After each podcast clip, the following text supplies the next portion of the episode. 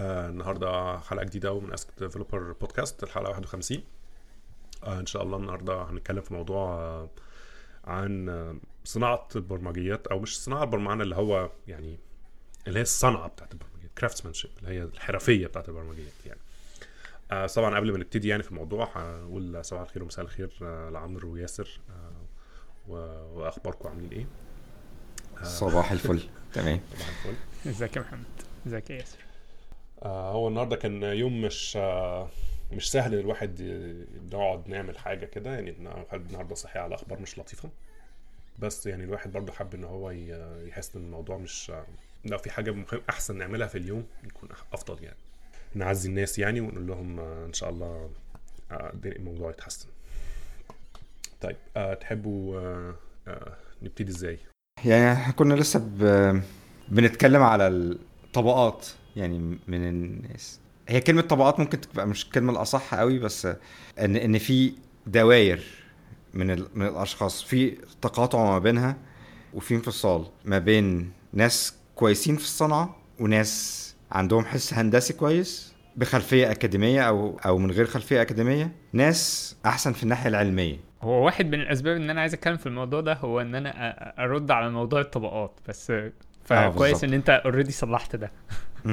فلما تتكلم على الصنعة الصنايعي بيعرف واحد بيعرف يخرج الحاجة اللي- بسرعة. ممكن تبقى الصنعة دي على مستوى حد آه، عايز حاجة آه، يخرج prototype بسرعة. مشاريع بس محتاجة تبقى شكل facade من غير من غير خلفية. وفي احتياجات كتيرة لل- للموضوع ده وهتلاقيها مثلا على ال- ال website بتاعت رينت أ كودر ولا حاجة. عايز يوتيوب clone مثلا أو عايز حاجة حاجة بالشكل ده. فم- فمحتاج حد يعرف زي ما يكون في خط إنتاج عنده شوية components كتيرة زي بعض بيعرف يبتدي يركب وي- ويظبط ما بينهم وما بين بعض بحيث إن هو يخرج يخرج الحاجة. ودي حاجة ما هياش ما نقدرش نقول عليها حاجة وحشة قوي لأن في محاولات كتيرة ل... من من من زمان لتحويل البرمجة لحاجة زي خط الإنتاج. إن أنت تبقى في عندك منتج أخير بتبتدي تكونه من مجموعة مكونات أصغر.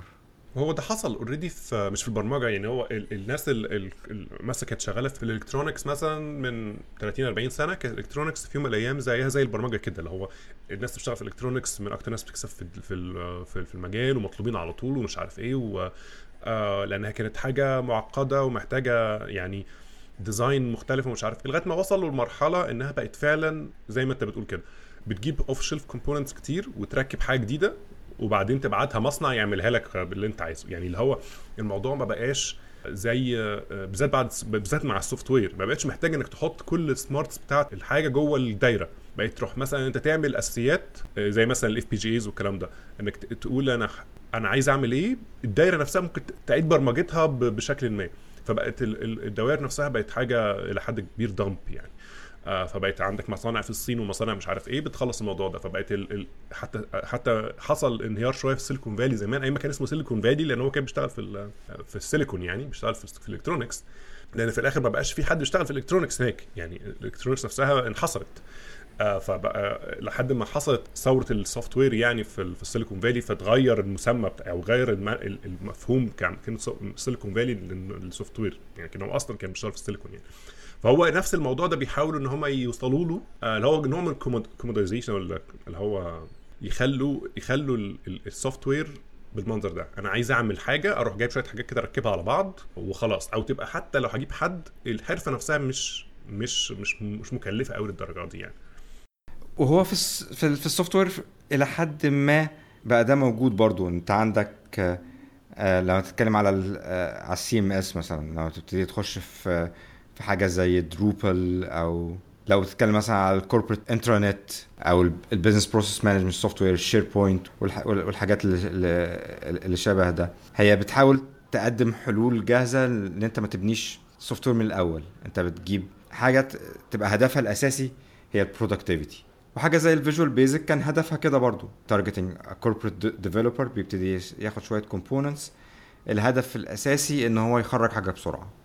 أعتقد آه، يعني أي حد بيسمعنا هيلاقي إن أو هيقدر إن هو يشوف ان إننا مش قادرين بالظبط إن نحدد الم- الموضوع اللي إحنا عايزين نتكلم عليه. هو هو أكتر منه حاجة بن بنلاحظها أكتر ما هي آه، فكرة واضحة عايزين نتكلم فيها أو عايزين نناقشها بشكل ما. آه لكن اللي بيخلي اللي بيخلينا نشوف الحاجة دي هيت هي مواقف بتتكرر بتتكرر كتير بتحصل قدامنا كتير نقاشات بنلاقي إن تملي مهما كان الموضوع هو في النهاية بيدور حوالين السؤال دهوت فده مثلا بيبان في مواقف مختلفة زي النقاشات بتاعه هل الوظيفة دي هي مثلا عايزين فيها coder ولا عايزين فيها software developer ولا عايزين فيها software engineer المسميات المختلفة اللي إحنا بنديها لنفسنا على نوع الشغل اللي بنعمله أو اللي بنديها لناس تانية.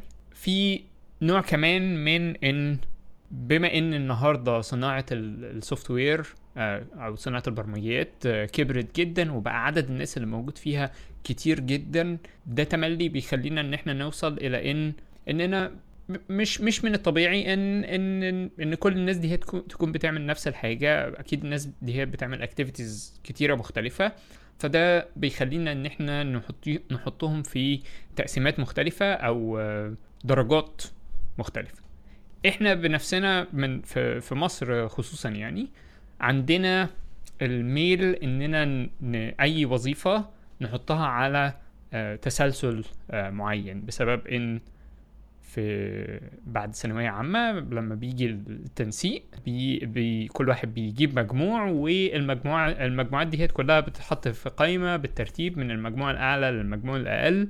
فتملي عندنا حتى لو بنعمل دهوت بشكل غير مقصود يعني. تملي عندنا الميل إننا نحط الوظائف على تسلسل معين. فتملي بنقول مثلا كليات القمة لأن ده المجموع بتاعهم عالي على اعتبار إن الوظائف دي هي بتتطلب بما إن هي بتتطلب مجموع عالي اذا فهي أصعب من الوظائف التانية. وده بعد كده هو بي بيبقى معناه إنها وظائف أهم. بنفس الطريقة في التفكير بنعمل نفس الممارسة دي هي جوه مجال البرمجة نفسه. بنفرق ما بين ال computer science أو computer scientist وال software engineer وبعدين بعد كده ال software developer وبعدين بعد كده ال coder اللي إحنا بنحاول بنحاول النهارده إن إحنا نلاقي ليهم أسامي بالعربي يعني عالم حاسبات مهندس وحرفي أو أو صنايعي. فني برمجة. أو فني فني برمجة. هو أنا مش عايز أظلم أظلم برضو مصر بس في الحكاية دي لأن أنت عندك ال hierarchy دي حاجة بنت ال modernity الحداثة يعني. أنت عندك ال dystopian novels زي 1984 أو ال Brave New World أو ال... ومش لازم بس ال... يعني IBM في الخمسينات مثلا. كانت مثال مثال مثال لحاجة زي كده. إن أنت عندك strict hierarchy وفي ناس أعلى من ناس. يعني أكيد أكيد طبعا في ناس أعلى من الناس بس أنا يعني علشان بس إيه آه نحجم النقاش لمجال لمجال آه نقدر إننا نشوف بدايته فين ونهايته فين. في موضوع الوظائف تحديدا إحنا في مصر سبب أعتقد سبب كبير من ترتيب الوظائف فوق وتحت بالشكل ده هو جاي من موضوع من الثانوية العامة أكتر منها. من من أي حاجة لكن بصرف النظر عن ده وخلينا بس نرجع تاني سريعا للقب الصنايعي أو الفني أو الحرفي أو كده أنا أنا عن نفسي بفضل كلمة حرفي كترجمة لأن أعتقد الكلمات التانية ليها يعني محدش بيبقى عايز إن هو. يبقى ده لقبه يعني هو طبعا كل كل لفظ بيبقى ليه يعني overloaded ب culture بتاعت المكان. يعني يعني انت صعب انك انت تقنع حد في دولة مثلا زي مصر أو كده ان إن البرمجة حرفة لأن هو مرتبط ذهنيا بإن الحرفة دي حاجة دون الهندسة أو دون العلم أو مع إن الحرفة ده شيء مهم. يعني في الآخر يعني أنت بالذات في الحاجات اللي هي الشغل اللي هو زي زي البرمجة عموما الحرفة دي بتيجي بالممارسة بتيجي بال بالشغل بتيجي بالخبرة. إنك أنت ممكن تدرس الكلام ده على الورق بس في الآخر لو ما لو إيدك ما اشتغل يعني ما اشتغلتش بإيدك عمرك ما هتكتسب الخبرة. كده بتقول انها أقرب للحرفة. آه طبعا في scientific background رهيبة وأنت محتاج ده كله. بس هو في الآخر من غير الحرفة برضه مش هتعرف توصل لحاجة. أنت محتاج الاثنين بس الحرفية مهم يعني عامل كده زي إيه؟ يعني بحس إن من أقرب ال ال ال يعني لما حتى الناس تقعد تشبه البرمجة بالطب وبتاع أنا بحس إن الأقرب للبرمجة مش الطب الأقرب للبرمجة طب الأسنان أنت ممكن تروح لدكتور سنان ومعلق شهادات تكفي يعني كمية بشر رهيبة وراه بس في الآخر ساعة ما يحط إيده في بقك الدنيا خلاص أنت. عايز تقتله لأن هو حرفيا زفت آه عمل لك كل الغلطات ممكن تغلط وعايز تقتله يعني آه لكن في دكتور تاني ممكن يكون لسه متخرج أو مش لسه متخرج يعني اللي هو مش عنده كمية الورق اللي وراه ده ولا أي حاجة اللي هو بيشتغل بيشتغل كتير يعني آه تحس إنك أنت لأ آه الفرق كان كبير إن الراجل ده بيشتغل كويس أو أو الدكتورة دي كويس أو كده فأنا بحس دايما الحكاية دي إنك أنت محتاج scientific background بس في نفس الوقت محتاج حرفية محتاج تدريب آه محتاج إنك أنت ت spend ال hours دي بتاعت الحرفية أكتر. يعني عند نقطة معينة كتر الدراسة عمره ما حي... حي... يعني هت saturate انت محتاج انك انت لو هت invest وقت انك انت تتدرب يكون احسن من انك انت ت invest وقت انك تاخد شهادات اعلى. يعني عند نقطة معينة الموضوع enough يعني فاهم؟ هو أو ممكن يبقى اون جو مش محتاج ان هو تبقى يعني يدا يدا فيمكن يمكن دخلت في موضوع تاني شوية بس ده اللي قصدي عليه في الآخر اللي هي الحتة بتاعت الحرفية دي حاجة مش وحشة. لما تقول ان حد محترف يعني أو أو عنده حرفية ده شيء مهم جدا. وده وعلى فكرة ده يعني ده تشبيه كويس جدا لأن ده هو يعكس إزاي إن يعني النقطة اللي أنا عايز تملي إن أنا أوصل لها في, في, في موضوع زي ده هو إن إن إن دي مش مستويات وإن مستوى منهم أنا النهارده لأن اللي بيحصل عمره ابدا ما بيكون إن إن أنا حرفي كويس قوي فبعد كده هو أبقى مهندس أو إن أنا أبقى إن أنا مهندس كويس فبعد كده أقدر إن أنا أبقى كمبيوتر ساينتست اللي بيحصل تملي هو إن أنا بختار من الأول. أنا عايز أبقى حرفي أو عايز أبقى مهندس أو عايز أبقى computer scientist مفيش computer scientist هو في نفس الوقت coder ممتاز. لأن كل الوقت اللي هو قضاه في إن هو يبقى computer scientist كويس ده وقت ما قضاهوش في إن هو يبقى coder كويس. لكن الوظ... الوظائف دي هي بتكمل بعضيها. لأن واحد في وظيفة بتحدد نعمل إيه وفي وظيفة بتعمل دهوت يعني بتقدر إنها تعمل ده. زي زي مثلا في الجيش في في الحرب. في في واحد قادر إن هو في واحد بي بيقضي كل وقته في إن هو يقدر إن هو يجري وينشن ويهاجم ويدافع وينسحب والحاجات دي هي وفي واحد تاني بيفكر إزاي إن هو يرتب القوات بشكل ما ويقدر إن هو ي... يقدر إن هو يهاجم من الناحية دي أحسن أو يهاجم من الناحية دي أحسن أو كده في وظيفة بتقدر إن هي تحدد إيه اللي يتعمل وفي وظيفة بتقدر إن هي تعمل ده. وكل واحد بيبقى عنده المهارات إن هو يعمل الحاجة دي هي. وعلى على دهوت اللي بيضيف لده هي نقطة مهمة قوي وهي إن أنت إن أنت تبقى. هل أنت تفضل تبقى coder كويس ولا تبقى computer scientist مش كويس؟ المحترف هو شخص بيقدر يعمل وظيفة معينة أو يؤدي مهمة معينة من غير ما يعرف خلفية كبيرة عنها. يعني لو اتكلمنا عن ال memory management أول ما ابتدى أو ال programming عامة أول ما ابتدت أنت لازم تبقى عارف يعني إيه registers يعني إيه cycles بتاعت الكمبيوتر وال machine والحاجات دي كلها. بعد كده ما بقاش محتاجها. بعد كده محتاج تعرف يعني إيه memory management وال بت manipulate ال pointers وتتحرك بيها.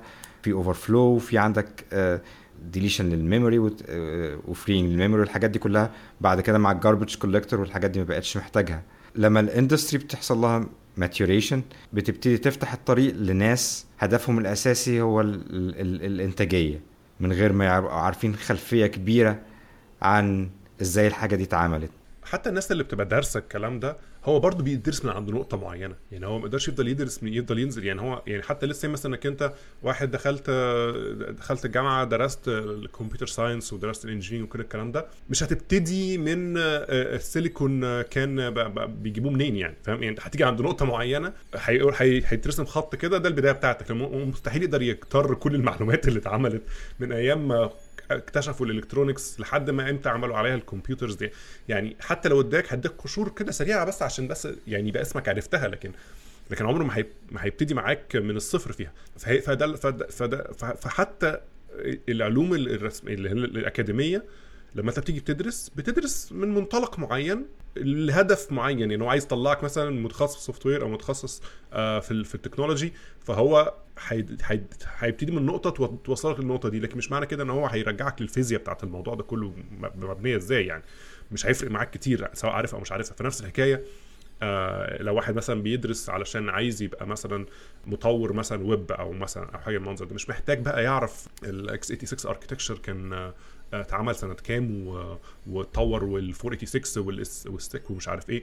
كل ده هيفرق معاه في إيه؟ مش هيفرق معاه كتير يعني. فبس في الآخر ممكن يبقى مطور ويب مثلا محترف وبقاله سنين شغال وبيعرف يعني إيه ins and outs وبتاعت أي حاجة ومش محتاج كل الكلام ده يعني.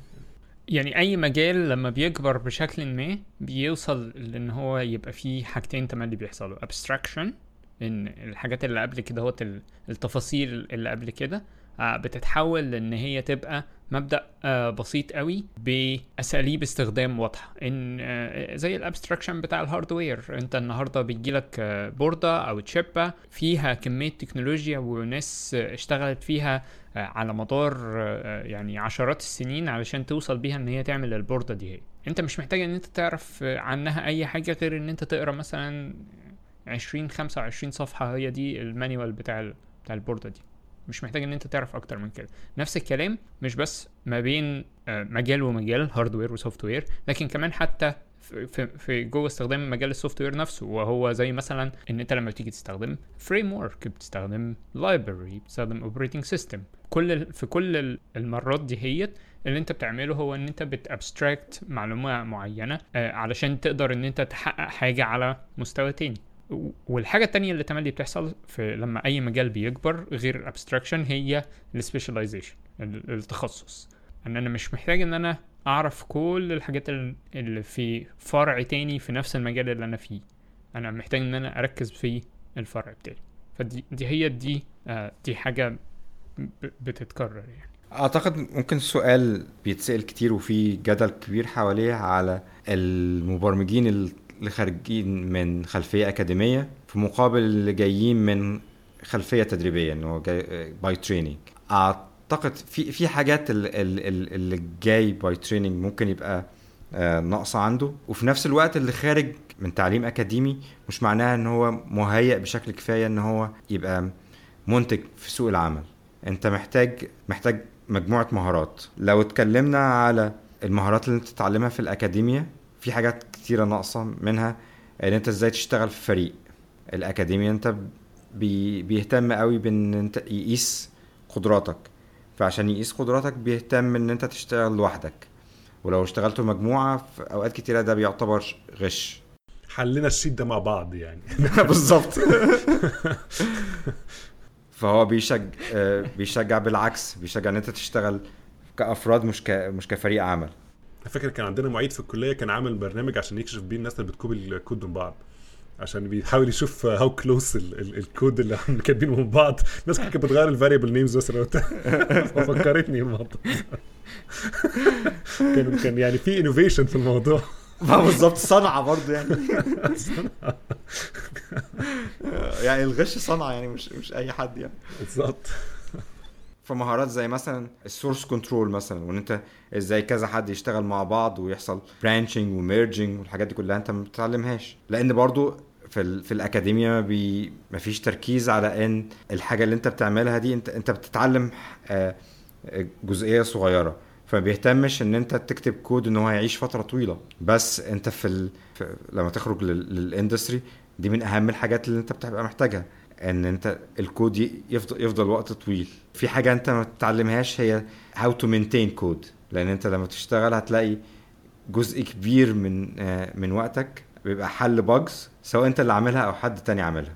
فده مهارة أنت إزاي تقرأ كود إزاي إن أنت introduce مشاكل في الكود عشان تعرف بيه المشاكل التانية. يعني يعني انت اوقات في فن كده ان انت آه، okay عايز عايز اعرف ان في مشكلة بتيجي منين فاحط حتة فيها exception حتة تانية بحيث ان أنا اتأكد ان ال exception جاي من من يعني whatever يعني في مهارات كتيرة في ال في ال maintenance ما بتتعلمهاش في الأكاديمية.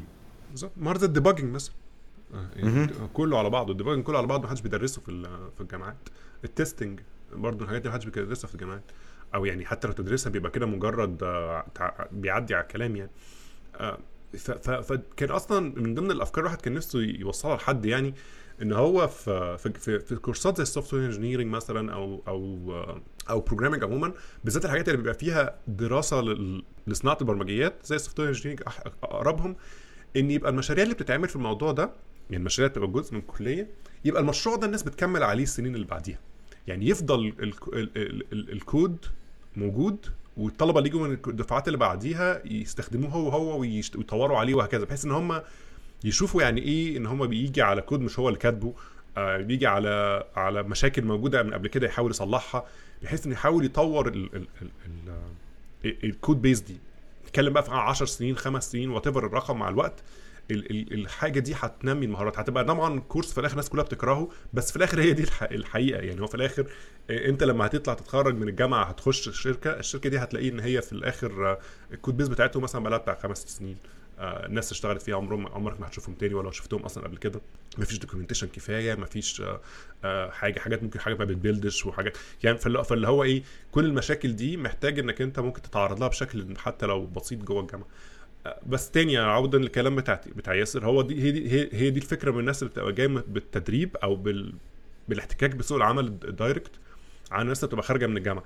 آه، إن هو بيبقى بالنسبة له ده الطبيعي. يعني هو هو اللي خارج من داخل على سوق العمل على طول. ده المهارات اللي بيكتسبها بمجرد وجوده هناك. فطبعا عارف كده زي اللي إيه بيبقى street smart شوية عن ال school smart بتاع اللي خارج من الجامعة. لو خارج من الجامعة فاكر برضو الدنيا هتبقى زي ما هو متخيل إن زي ما لقى في الكتاب أو زي ما لقى في في وهو بيذاكر لكن لما هيطلع يكتشف لا في الآخر ال- الواقع مختلف أو مختلف شوية حتى على الأقل محتاج إن هو يكتسب مهارات مختلفة يعني. واللي بقى بالعكس اللي جاي اللي جاي من خلفية by training آه غالبا بيبقى ناقصه حاجات مهمة زي how to write high performance code يعني ما بيبقاش فيه اهتمام آه بالحكاية دي. بس أنت في في الأكاديمية أنت بتبقى عارف يعني إيه algorithm analysis وازاي تبقى في آه، فكرة إن ال إن أنت لما بيشتغل مع input صغير تمام مش معناه إن هو لما ت... لما تحط عليه input عدد كبير هيشتغل كويس ف... فبتلاقي لو أنت جايب by training ممكن تلاقي الكود اللي أنت بتكتبه شغال دلوقتي كويس بس أول ما تبتدي تحطه في في, production environment بي degrade بسرعة قوي حاجة زي آه، طرق التفكير في. في حل المشاكل يعني ال techniques زي greedy algorithms أو divide and conquer dynamic programming recursion الحاجات دي كلها ممكن أوقات كتيرة بتبقى ناقصة في التدريب.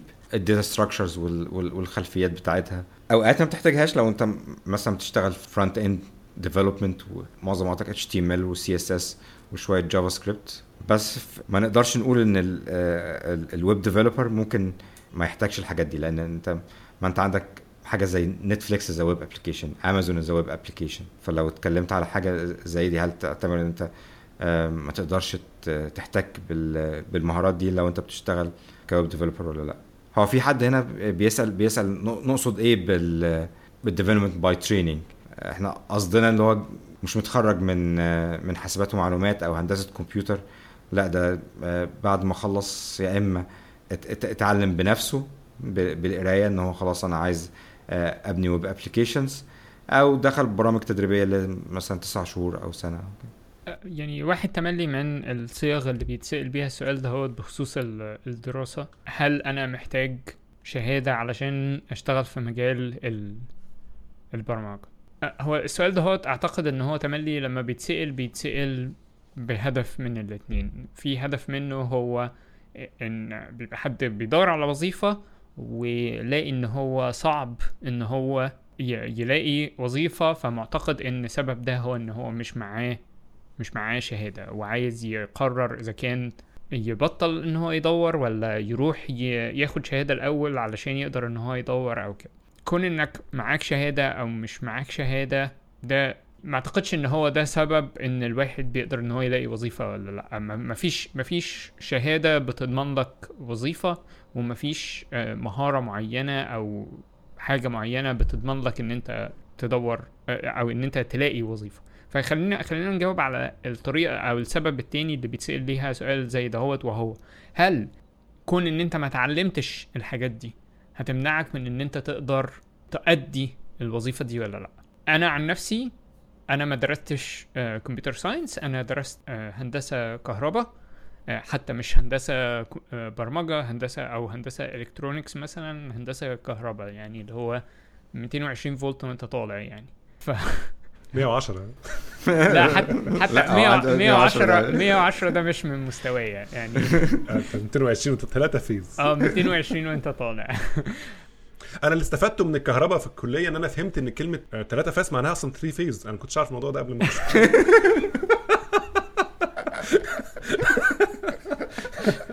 كنت دايما أسمع كهربائي يقول أنت محتاج تدخل 3 phase مش عارف 3 phase ده الصراحة. لغاية ما في الآخر دخلت الجامعة عرفت إن ال 3 phase دي 3 phase ففهمت. بس ما فهمتش بعد كده إيه اللي بيحصل.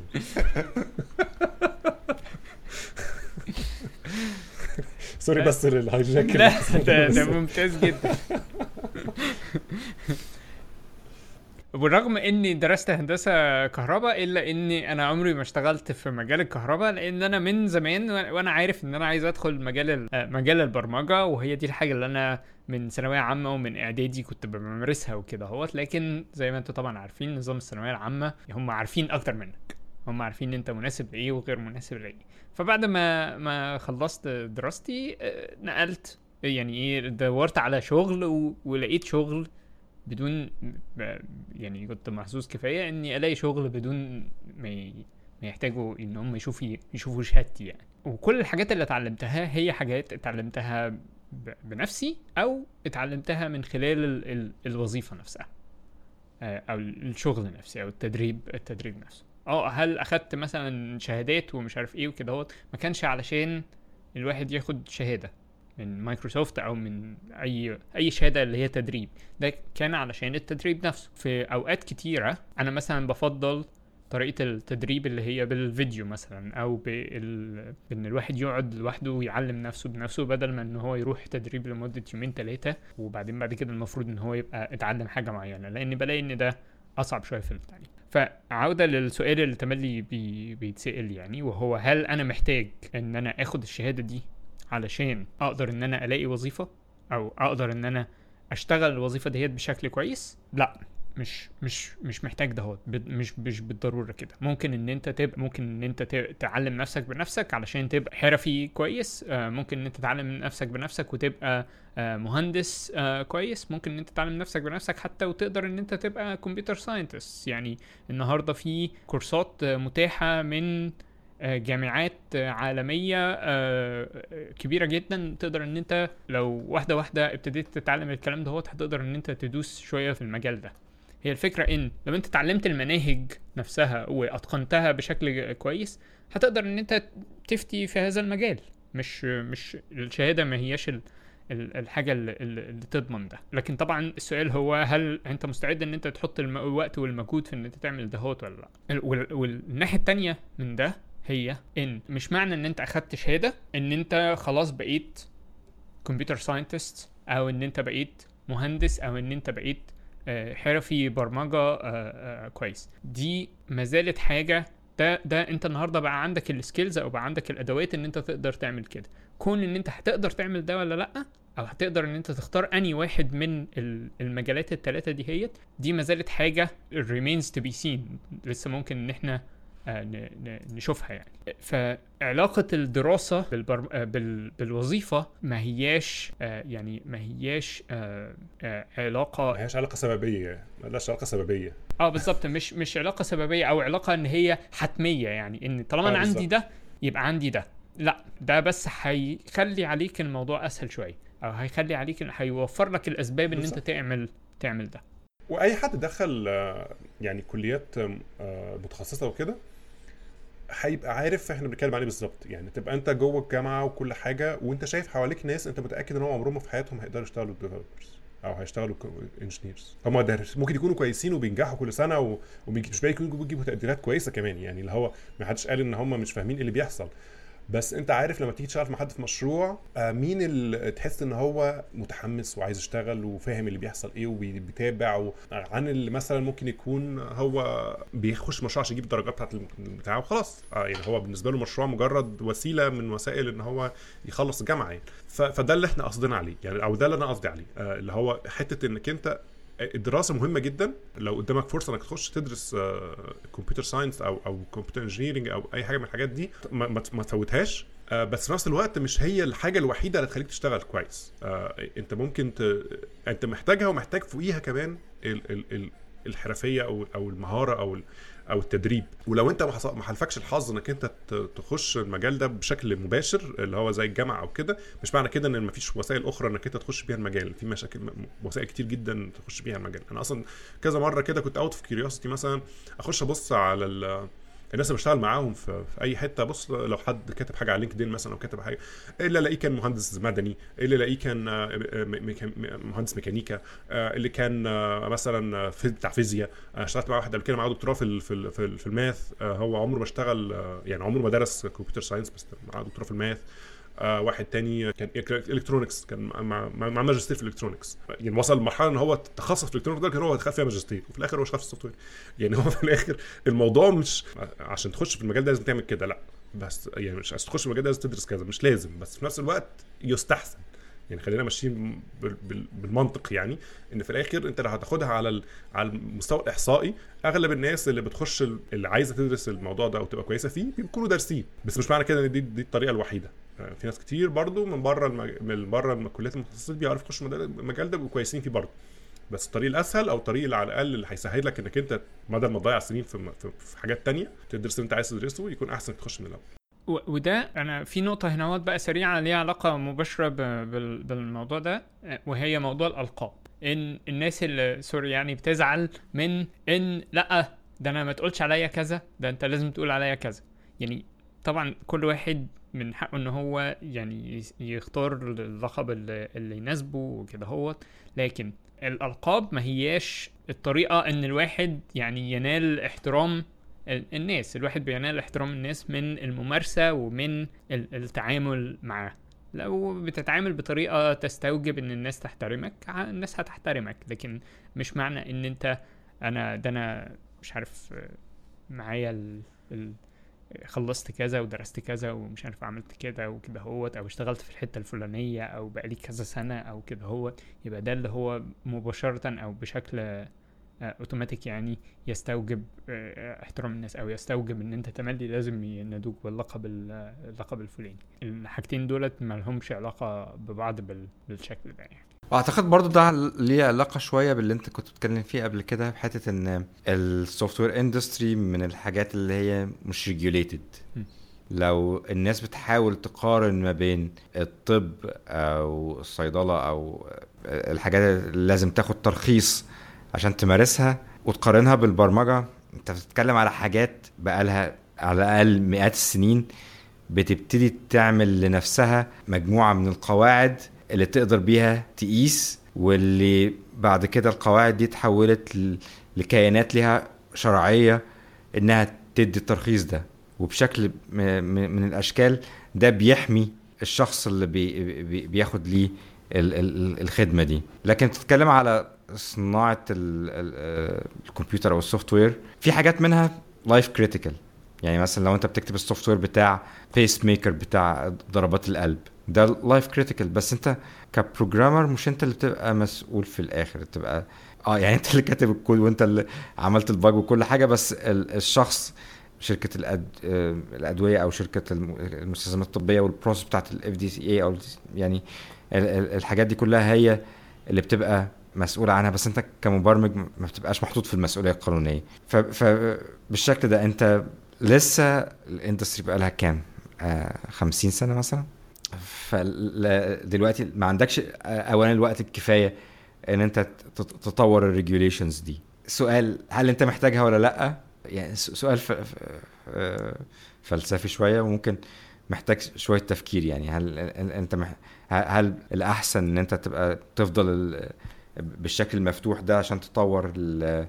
آه، الدنيا بشكل أسرع من آه، من غير تعقيدات ومن غير مجال حاجز كبير لل... للدخول فيها. وفي حاجات كتيرة ما هياش ما هياش regulated يعني. الميكانيكا مثلا ما هياش regulated وال... والناس بت innovate وبتعمل يعني. لا هو غالبا بتلاقي إن الصناعة نفسها بتبقى regulate آه مثلا زي صناعة العربيات. هو مش هيقدر يقول لك مثلا ما ينفعش تعين آه، حد مش خريج حاجة معينة بس في نفس الوقت نفس الوقت عشان تطلع عربية في السوق بتعدي المنتج نفسه بيعدي على مراحل كتير من ال regulations من سواء من الحكومة أو من الأجهزة الرقابية أو what بحيث يتاكد من السلامة المعينة في معايير محطوطة. سواء بقى أنت يعني هو بيقول لك إيه أنا كدولة مثلا أو أنا كهيئة طرق أو كده أنا عندي أدي المعايير بتاعتي. اتصرف بقى اعمل عربية بالت... إن شاء الله تكون هتطبعها مش مشكلتي. المهم تطلعها بحيث انها توافق المعايير الأساسية بتاعتي. انت بقى عملتها على إيدك آه، شفت لك استوردتها من بره آه، طبعتها على مك... على مكنة عندكم في بيتكم. ما عنديش مشكلة. المهم بس انك انت تعملها بنفسك. فده نوع مختلف من ال- الرقابة أو من ال... مش الرقابة اللي هو نوع من ال regulation يعني. مختلف شوية عن انك انت تبقى إيه بتخش في تفاصيل الإنتاج نفسها. لا انت ما ينفعش تعين فلان ده عشان ده مش regulated أو ده أو ده union أو مش union أو كده. ساعات بيبقى في ميكس من الاثنين يعني. يعني ممكن مثلا صناعه الأدوية مثلا في أنواع معينة مثلا حاجات. ما ينفعش مثلا حد يروح ياخد مثلا عينات أو يعمل تجارب على الناس مثلا من غير ما يبقى اللي بيعمل التجارب دي ليه نوع طريقة معينة وعندهم تصريح معين وبتاع. بس طبعا عشان مستوى الخطورة أعلى ومستوى ال- ال- ال- التأثير المباشر على الناس أكبر بكتير يعني. فطبعا يعني ففرصة إن إحنا عندنا حرية في المجال ده فكويس إن إحنا ما وصلناش المراحل دي من ال regulation آه، بس بس مثلا لو انت بتشتغل في صناعة طيران مثلا لسه انت شغال في بوينج مثلا آه، انت كمبرمج ما حدش قال لك انت انت انت شخصيا regulated ولا لأ بس المنتج تاني. المنتج النهائي بيعدي على يعني سنين وسنين من الاختبارات وال- وال regulation علشان حتى يوصل لمرحلة انه يطيرها كده في الهواء بس حتى من غير ركاب يعني. فتاني آه، ال regulations والحاجات دي بتختلف من حسب الصناعة للتانية يعني. هو من الناس اللي كانوا حابين يشتغلوا على الموضوع ده يعني في uncle بوب مارتن من من من الناس ال- القدام قوي في ال في ال في, ال في ال software يعني. بيحاول يشبهها شوية بال craftsmanship في نقول عليها القرون الوسطى. ماشي- craftsmanship اللي هي الحرفية يعني أعتقد. آه لا بس أتكلم في الوقت يعني إن هو آه. في, في, في, آه، وقت مثلا كان ال آه، كان في ال- ال- ال guilds اللي هي آه، الروابط بتاعت آه، بتاعت الصنعة.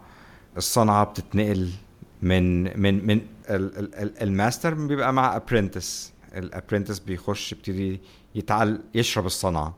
وبعد apprenticemanship يبقى journeyman وال journeyman بعد كده يبتدي يت- يتطو- يتطور بقى آه، في في الحاجات دي. واللي بي واللي بيبتدي يتحكم بيبقى ال- المجتمع ده بتاع آه، المحترفين. فدي حاجة وسط وسط ما بين إن أنت يبقى عندكش regulation خالص ويبقى في strict regulation بس الح- الحاجات دي كلها still self imposed يعني ما حصلش ما حصلش ليها adoption بشكل كبير يعني.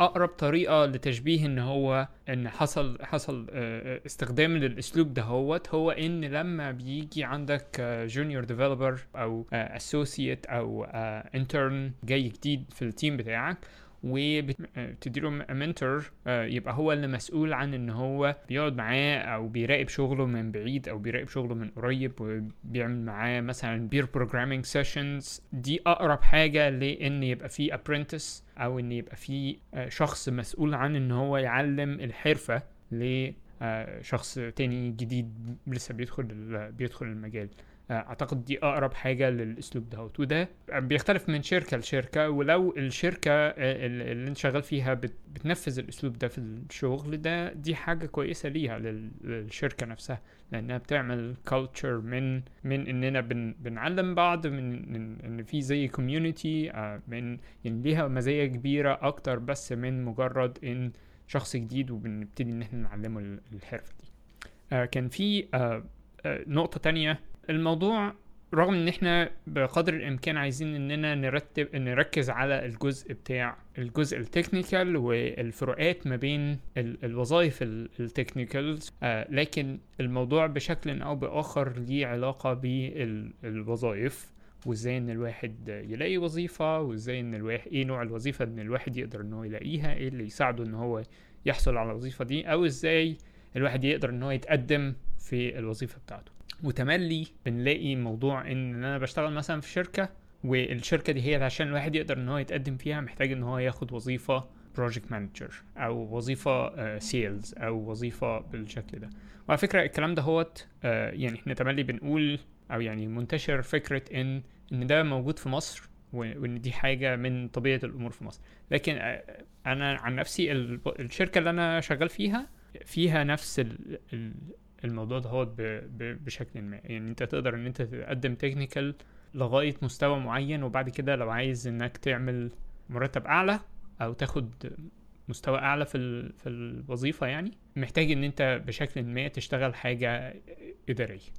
إذا اخترت ان انت تشتغل في حاجة إدارية project سواء كانت حاجة إدارية ليها علاقة مباشرة بالشغل ال technical أو ملهاش علاقة مباشرة بالشغل ال technical. عايز تبقى بس مدير أو executive أو كده أو أو حاجة sales تماما أو حاجة ليها علاقة بشكل ما بالشغل ال technical project manager أنت ما زلت برضه بت بتطلع product كونك إنك اشتغلت شغلة إدارية ده يخرجك من إطار ال الوظائف ال technical. كل الكلام اللي إحنا بنتكلم فيه ملوش علاقة خالص. بال... بالوظائف ديت آه، حتى لو انت كل يوم مازال بيعدي عليك كود وانت برضو المسؤول عن ان انت تطلع ال release أو كده هو شغلك في الآخر هو ان انت ترتب ال project. يعني اي حد بخلفية project management هو المسؤول عن يعني هو محتاج ان هو يعمل الكلام ده. هو كمان أصل فكرة ال project manager في مصر مختلفة شوية. يعني هو في مصر ال project manager وظيفيا محطوط في درجة أعلى عن المنفذ عن عن عن التنفيذيين. يعني إن هو آه ودي حاجة إلى حد كبير مصرية أكتر ما هي حقيقية. يعني يعني في الآخر أنت بره مثلا بتلاقي إن ال project manager أو ال program manager أو what هو واحد من الجهاز التنفيذي. يعني هو في الآخر بي مش عشان يترقى يعني مش مثلا واحد developer بيسعى إنه يبقى project manager مش كده. هو أصلا مش في مش في ال path بتاعه أساسا. هو path path موازي. هو مدير للمشروع مش مدير مش مدير للناس, للناس. فاهم؟ آه بالظبط. يعني هو بي- بيدير المشروع مش بيدير البشر أو مش بيدير ال- ال- ال team teams بيبقى ليها leads وال leads ليهم managers ولا directors ولا whatever وبعد كده عند نقطة معينة نقطة ما هيلتقي ال management chain بتاعة ال project manager مع ال management chain بتاعة ال development team يعني لكن ده اللي أنا قصدي عليه إن هو في الآخر إن الناس عندها التطلع لإن هو يبقى project manager هو هو مش تطلع للمهنة هو تطلع للترقي؟ يعني هو عايز يترقى فأنا حاسس إن هي المشكلة إن الناس اتظلمت في فكرة إن ال project manager اتحط لهم ك كوظيفة أعلى من الوظيفة اللي هو فيها فهو ك career path عايز يوصل لها. ممكن يكون بيكرهها أو ما بيحبهاش أو مش مش فاهمها أو أو مش فارقه معاه. بس هو عايز يترقى وخلاص. فدي المشكلة. يعني انت انت لما بتشتغل في مشاريع بعد كده بره وكده ممكن تكتشف انك مثلا ال project manager اللي معاك ده ممكن يكون لسه مثلا بقى له عنده بقى له سنتين بيشتغل مثلا ولا بتاع. هو بي manage ال project ده. هو هو كل فكرة ال project manager هو- مش شغلانة مهمة جدا. آه، إنه عنده resources معينة وقت معين تسليمات معينة في وقت معين. بي manage المشاكل. أي مشروع في الدنيا عند حجم معين ما تقدرش ت manage ه بالناس اللي جواه وخلاص. محتاج حد دايما يراقب اللي بيحصل يعني. بي report بقى بشكل دوري عن المشاكل اللي بتحصل أو أو أي أو أي blockers أو أي حاجة. بس ال بس ال- الوظيفة دي نفسها ليها تدرجات. يعني اللي بي manage مشروع مثلا في آه، فترة حياة المشروع كله أسبوعين أو ثلاث أسابيع أو شهر غير اللي بي manage مثلا مشروع هيقعد سنتين ثلاثة بيشتغلوا فيه 1000 بني آدم. ده ال career path بتاع ال project manager غير لما تلاقي مشروع آه، مثلا آه، يعني زي ما زي ما بتلاقي في developer مثلا من الناحيه الثانية بيشتغل هو لسه لسه متخرج مثلا أو لسه صغنن في البتاع بي- بيصلح بالجاية مش عارف إيه لغاية ما يوصل مثلا بيشتغل بيعمل architecture لمشروع كبير مثلا في برضه ناس كانت شغاله عليه فهي نفس الفكرة. آه، لكن أنا مش اللخبطة اللي حاصلة في مصر ما بين ال project management على إن هو جزء من التطور الطبيعي لل developer أعتقد إنها هي دي دي مشكلة مش مشكلة غلطة مش مش حاجة صح يعني. في حتة بس في في الكلام اللي إحنا اتكلمناه على ال programmer by trainer by training أو by education. كان في قصة بتاعت واحد اللي هو روب كونري مش من خلفية أكاديمية اشتغل شوية في يعني عمل شوية حاجات open source الأول بعد كده اشتغل في مايكروسوفت لأن هو كان عنده مهارة كويسة إن هو يتعلم الحاجة وي... ويعلمها. فكان بي... بيشتغل مع الاس بي دوت نت تيم اس ام في سي ان هو كان بي... بيتعلم إزاي ال MVC وفي نفس الوقت بيعمل فيديوهات إزاي يعلمها وبعد كده ساب مايكروسوفت وبعد كده فتح Tekpub Pluralsight اشتريتها. وبعد كده قعد سنة يلف في الدنيا كده. فهو كان حاسس إن هو the impostor syndrome الداء المنتحل. إن هو تحس تحس تحس إن أنت آه، منتحل شخصيه شخصية ما. آه، عمل كتاب اسمه The Imposter's Handbook بيتكلم على الحاجات اللي هي كان كراجل جاي آه، اتعلم حاجة وبقى كويس فيها. بس لما بيتكلم مع ناس computer scientist أو من خلفية أكاديمية كان بيحس آه، بنقص فيها. فاتكلم على concepts زي ال P versus NP uh, algorithms and complexity uh, data structure uh, some Linux essentials and shell scripting encryption وحاجات زي كده. اللي من الكتب أعتقد حتى لو انت لو أنت جاي من خلفية أكاديمية من الحاجات اللي refreshing ليك يعني. uh, اسمه The Imposter's Handbook واللي هي برضه نفس الحكاية إن أنت فكرة إن أنت حتى لو مش جاي من خلفية أكاديمية الحاجات ما هياش مستحيلة إن أنت ما تعرفهاش يعني.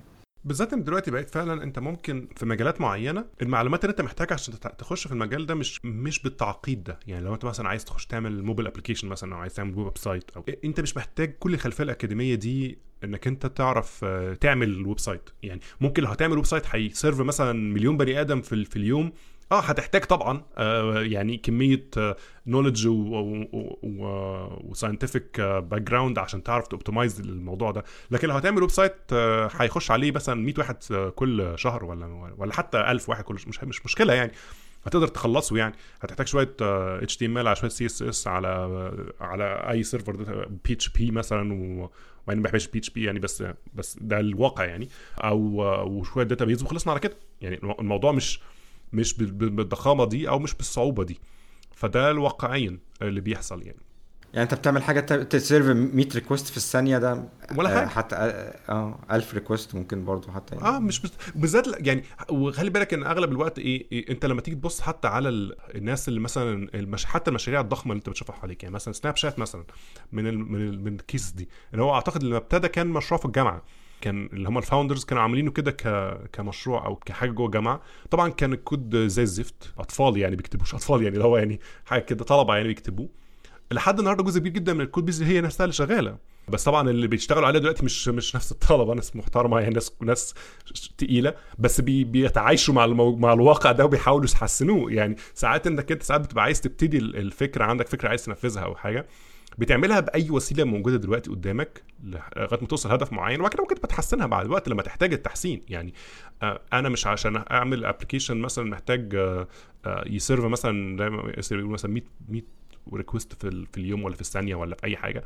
مش محتاج أعمل architecture نفس ال architecture هيستخدم هيشتغل عليه موقع مثلا أخبار بيخش عليه ملايين الناس في اليوم. مش نفس ال architecture أكيد مش هحتاج ده كله يعني. لما أوصل بقى للمرحلة دي أبقى أعمل كده. مش يعني اللي هو بدل ده بقى تخش بقى في حتة ال premature optimization لأن أحيانا حتى لما الناس اللي بتبقى متعلمة زي عن اللزوم تيجي تخش تعمل حاجة صغيرة تكتشف إن هم أصلا تعليمهم موديهم في 60 داهية. إن هم قعدوا يعظموا المشكلة لأكبر من من من اللي هي عليه بمراحل لمجرد إن هو مش قادر يتقبل آه، إن أحيانا محتاج ت hack ل حاجة عشان تطلع. آه، هو مش قادر يعني من كتر من كتر التعليم اللي في دماغه بوظ دماغه. آه، فهو عايز لا كل حاجة تبقى صح وكل حاجة تبقى مظبوطة وده مش غلط بس نفس الوقت ساعات مش هو ده اللي مش ده ال approach الصح أحيانا يعني. بس دي مشكلة تانية. يعني ده ده ده, ده حوار آخر يعني. ده ممكن يكون واحد من أهم الأسباب هو ليه أغلب الناس اللي بتشتغل في مشاريع تكره الكود المكتوب. لأن جزء كبير من المشكلة إن هو الكود عشان أنت توصل لمرحلة إنك أنت بقى في عندك وظيفة أنت قدمت عليها وخدتها في حد اضطر يكتب كود من لابس النيله عشان حاجة عشان ال business ده يبتدي يشتغل أصلا عشان ال business ده يوصل. فجزء منها إنك أنت ممكن تاخدها إن هو يعني يعني انت تحمد ربنا إن في أصلا business ظهر آه، وانت لقيت شغلانة فيه ولو ما كانش لو ما كانش الكود بالتعقيد ده ما كانش حد هيجيبك أصلا تشتغل. آه، وفي نفس الوقت أنت لو كان حد لو أنت كنت ابتديت آه، وعملت الكود على مزاجك لا ما كنتش هتطلع بال business ده ما كنتش هتعرف تطلعه أساسا يعني. فيعني إيه تاني؟ أنت محتاج العقليات دي كلها يعني محتاج ال- البني آدم اللي هو بي- بيدرس حاجة بشكل عميق متعمق يعني في الموضوع ومحتاج برضو البني آدم اللي هو عنده هدف عايز يحققه هو بيدرس في إطار هذا الهدف. يعني هو هو مثلا عايز يعمل موقع أو عايز يعمل application أو عايز يعمل أي حاجة فهو بيدرس اللي يخليه يعمله. فهو مش مشكلة مش لازم هي مش لازم عنده نفس البتاع. يعني هياخد path مختلف تماما عن انت بتاخده مش هيقعد بقى يبني كمية ال- الأساسات دي عشان يطلع عليها لا هو هياخد زي إيه خط مستقيم كده من النقطة اللي هو فيها لحد ما يوصل اللي هو عايزه. وطلعه. الله أعلم بقى طلع عامل إزاي بس في الآخر هو طلع الهدف بتاعه. ممكن بعد كده بقى يرجع يصلحه يعني مش مش يطلع يصلح الهد- الطريق اللي هو مشي فيه يعني. أو في ناس كتير أصلا بت... في الآخر بت... بت end up إنها بتستخدم حاجات جاهزة يعني. على فكرة يعني كون إن أنت تكره الكود اللي قدامك سواء الكود ده هو حد تاني كتبه أو أنت اللي كتبته دي في حد ذاتها ما هياش ما هياش حاجة سيئة قوي. ده معناه إن أنت مدرك إيه العيوب أو إيه اوجه القصور في. في الكود ده هو. ده معناه إن يعني مثلا آه لما تكتب كود وبعدين يعدي كذا سنة وبعدين ترجع تاني تقرأ الكود ده هو اللي انت كنت كتبته من خمس سنين أو من عشر سنين فاتوا. بنسبة كبيرة مش هقول 100% يعني لكن بنسبة 80% هيبقى في فرصة إن انت تكره الكود اللي انت كتبته من خمس أو عشر سنين. لأن المفروض إن انت في الخمس أو عشر سنين دي اتعلمت حاجات كتيرة تخليك أحسن بكتير مما كنت عليه قبل كده. فده معناه إن إن انت هتبص على نفسك من زمان وتقول إن أنا غلطت في كذا وغلطت في كذا وغلطت في كذا وكان قدامي فرصة إن أنا احسن ده واحسن ده واحسن ده. فدي في حد ذاتها إن أنت تبص لحاجة أنت عملتها وتبقى مدرك هي دي إيه الغلط اللي فيها ده في حد ذاته مش حاجة سيئة. لكن في نفس الوقت الفرق ما بين الشركات اللي نجحت والشركات اللي ما نجحتش آه، أحيانا كتيرة بيبقى ان إن الناس اللي, اللي نجحت قدرت إن هي في وقت ما قدرت تقول that's that's good enough. يعني ده كويس كفاية إن أنا أطلعه وإن أنا اوريه لناس تانية وكده. فيعني مش مش حاجة من الاتنين أحسن من التانية لكن هي الفكرة إزاي يبقى في بالانس ما بين الاتنين. إزاي إن أنت تبقى عارف أوجه القصور في الحاجة اللي أنت عملتها لكن في نفس الوقت مستعد إن أنت توريها للناس وتخليها تخليهم إن هم يستخدموها لأنها أحسن من أي حاجة تانية موجودة. ده يجيبني لحتة مهارة مهمة من مهارات ال- الحرف الحرفة.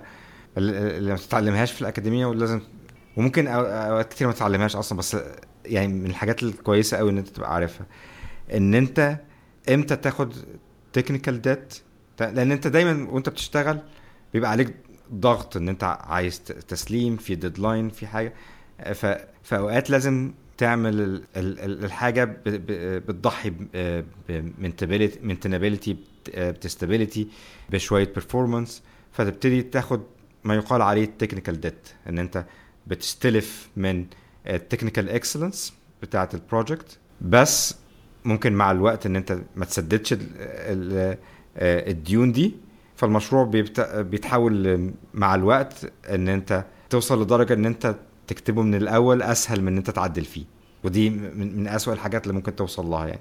المهارة إن أنت إمتى تاخد تاخد ال technical debt وإمتى تبتدي دايما إن أنت تحط وقت إن أنت تسدد بالشكل ده ان أنت ما تبصش لل- للأسبوع ده إن أنا عايز أسلم.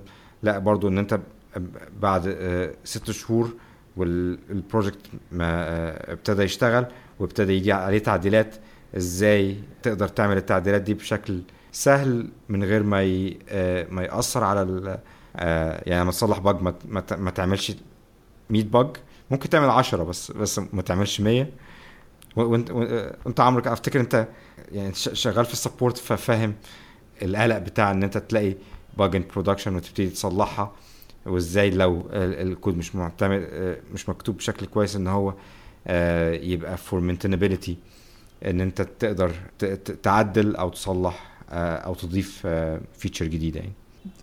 أنا أنا في شغلي في في ال support رغم إن أنا development support يعني الناس اللي هم ال developers لما بيبقى عندهم مشكلة مع ال software بتاع شركتنا أنا اللي بحل لهم مشاكلهم. لكن مثلا كوني في في الوظيفة ديت رغم إن أنا المفروض يعني إن أنا لما ال developers بيوقعوا في مشكلة بيسألوني.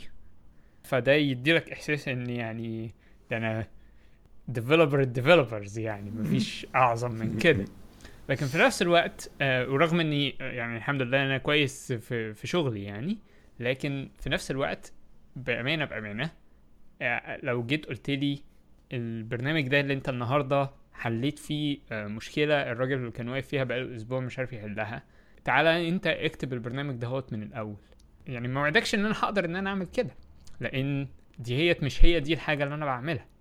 يعني زي ما تقول كده هو العضلة دي أنا مش مش بمرنها كل يوم إن أنا أفتح IDE أو أفتح Visual Studio وأقول file new project وهنقسمه إزاي وهنعمله إزاي وكده هو مش هي دي الحاجة اللي أنا بعملها كل يوم. الحاجة اللي أنا بعملها كل يوم هي إن أنا أقرأ كود بتاع حد تاني. الحاجة اللي أنا بعملها كل يوم هي إن أنا أسمع من حد وآخد كل الكلام اللي هو بيقوله دهوت وأحوله لسؤال واحد وأجاوب على السؤال دهوت والإجابة دي هي تخليه إن هو المشكلة اللي هو ما قدرش إن هو يصيغها آه، يقدر إن هو النهارده لقى لها- حل. فده يديلك فكرة على إن الوظائف المختلفة رغم إن أنت تحس إن هي ممكن إن هي في مستويات مختلفة في مستوى أع- أعلى من التاني إلا إن ده مش ده مش حقيقي دولت مجالات مجالات مختلفة وكل واحد كل مجال منهم آه بي بيكمل آه مجال تاني هو كمان في نقطة بقى يعني الخبرة بقى بت- بتزود إيه؟ يعني الخبرة دي كمان بتفرق يعني ما أعرفش كانت بتفرق من حد أصلا ابتدى بخلفية اكاديمية ولا لأ بس بس في جزء كبير من من التطور في. في حرفية البني آدم بتيجي من من الخبرة الطويلة اللي بتخليه يشوف زوايا أخرى لنفس المشكلة اللي في إيده. يعني هو ممكن يكون لو حد لسه صغنون يعني أو لسه بادئ أو كده بيمسك مشكلة كل اللي بيفكر فيه هو الكود كل اللي بيجي في باله أنا هكتب دي إزاي؟ أو هعملها إزاي؟ أو ال technology هستخدمها إيه؟ أو what يعني. أو هيفكر في إطار technology معينة أو كده. مع الوقت الحاجات دي بتبقى يعني مراحل متقدمة في المشكلة. يعني انت في الأول زي ما انت بتحاول تفهم ما وراء الكلام اللي بيتقال لك ده. يعني هو ممكن يكون أصلا المشكلة أ... يا ما أبسط بكتير من اللي بيتقال لك أو أعقد بكتير من اللي بيتقال لك. يعني انت محتاج تسأل كتير تعرف كتير وهت وبعد كده طب المشكلة دي أصلا ليها أبعاد أخرى غير الأبعاد ال- الأساسية اللي واحد مثلا أنا عايز أبيع شوية ببيع شقق أونلاين مثلا okay. طب أنا عايز أبيع طب طب طب إيه المشكلة اللي ممكن تكون بتحاول تحلها؟ هل أنت عايز تعمل ال payment كلها أونلاين مثلا؟ أنت عايز تعمل تسويق بس؟ عايز تعمل محتاج تعمل آه، حد غيرك أنت بيبيع بتعمل سوق يعني؟ أو بعد ما تجيب الكلام ده كله طب في انت متخيل كم بني آدم بيستخدموا ال website ده؟ أو عندك حاجات مشابهة أو لو حتى مش website يعني لو أنت مثلا بتعمل automation system أو بتعمل فبت...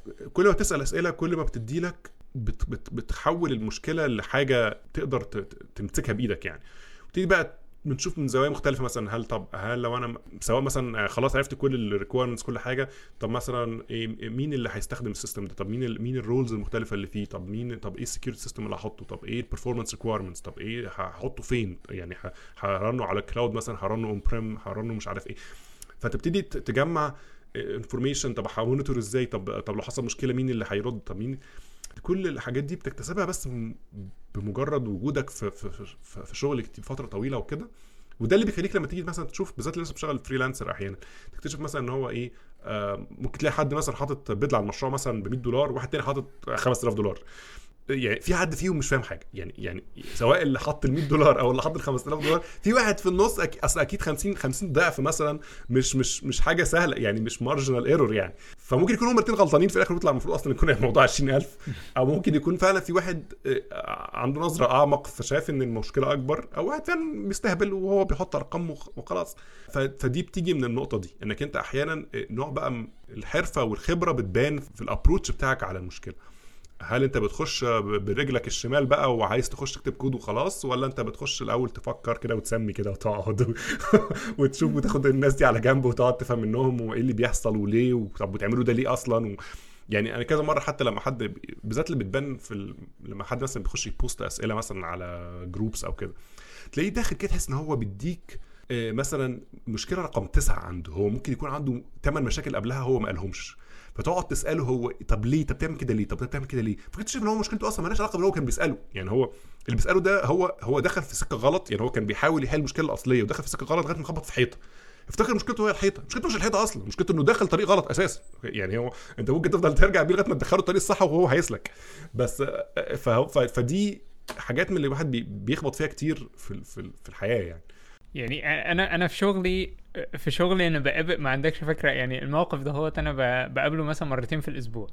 لأن لأن بيجي حد وبيبقى هو بيسألك سؤال يعني محدد جدا. إزاي أعمل كذا؟ وبعدين لما كذا ده هو اللي هو يعني دي ما ينفعش إن أنت أصلا تعمل كذا. إيه اللي يخليك إن أنت عايز تعمل كذا؟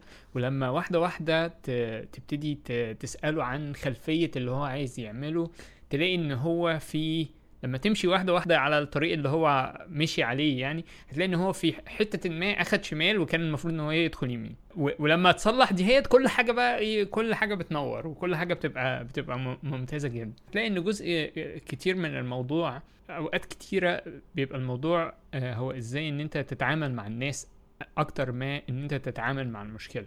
آه يعني آه، يعني يعني في أسئلة بتجيلك زي ما تكون إزاي أقطع رجلي؟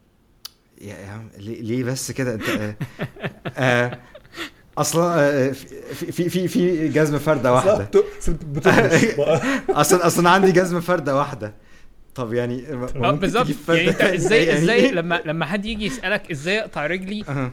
طبيعي جدا إن أنت عقلك يروح لإن هو إن أنت إن هو عنده يعني آه، عنده آه. مشكلة في والمرض هينتشر من رجله لبقية جسمه وبعدين تكتشف إن هو المشكلة إن هو عنده فردة جزمة واحدة بس.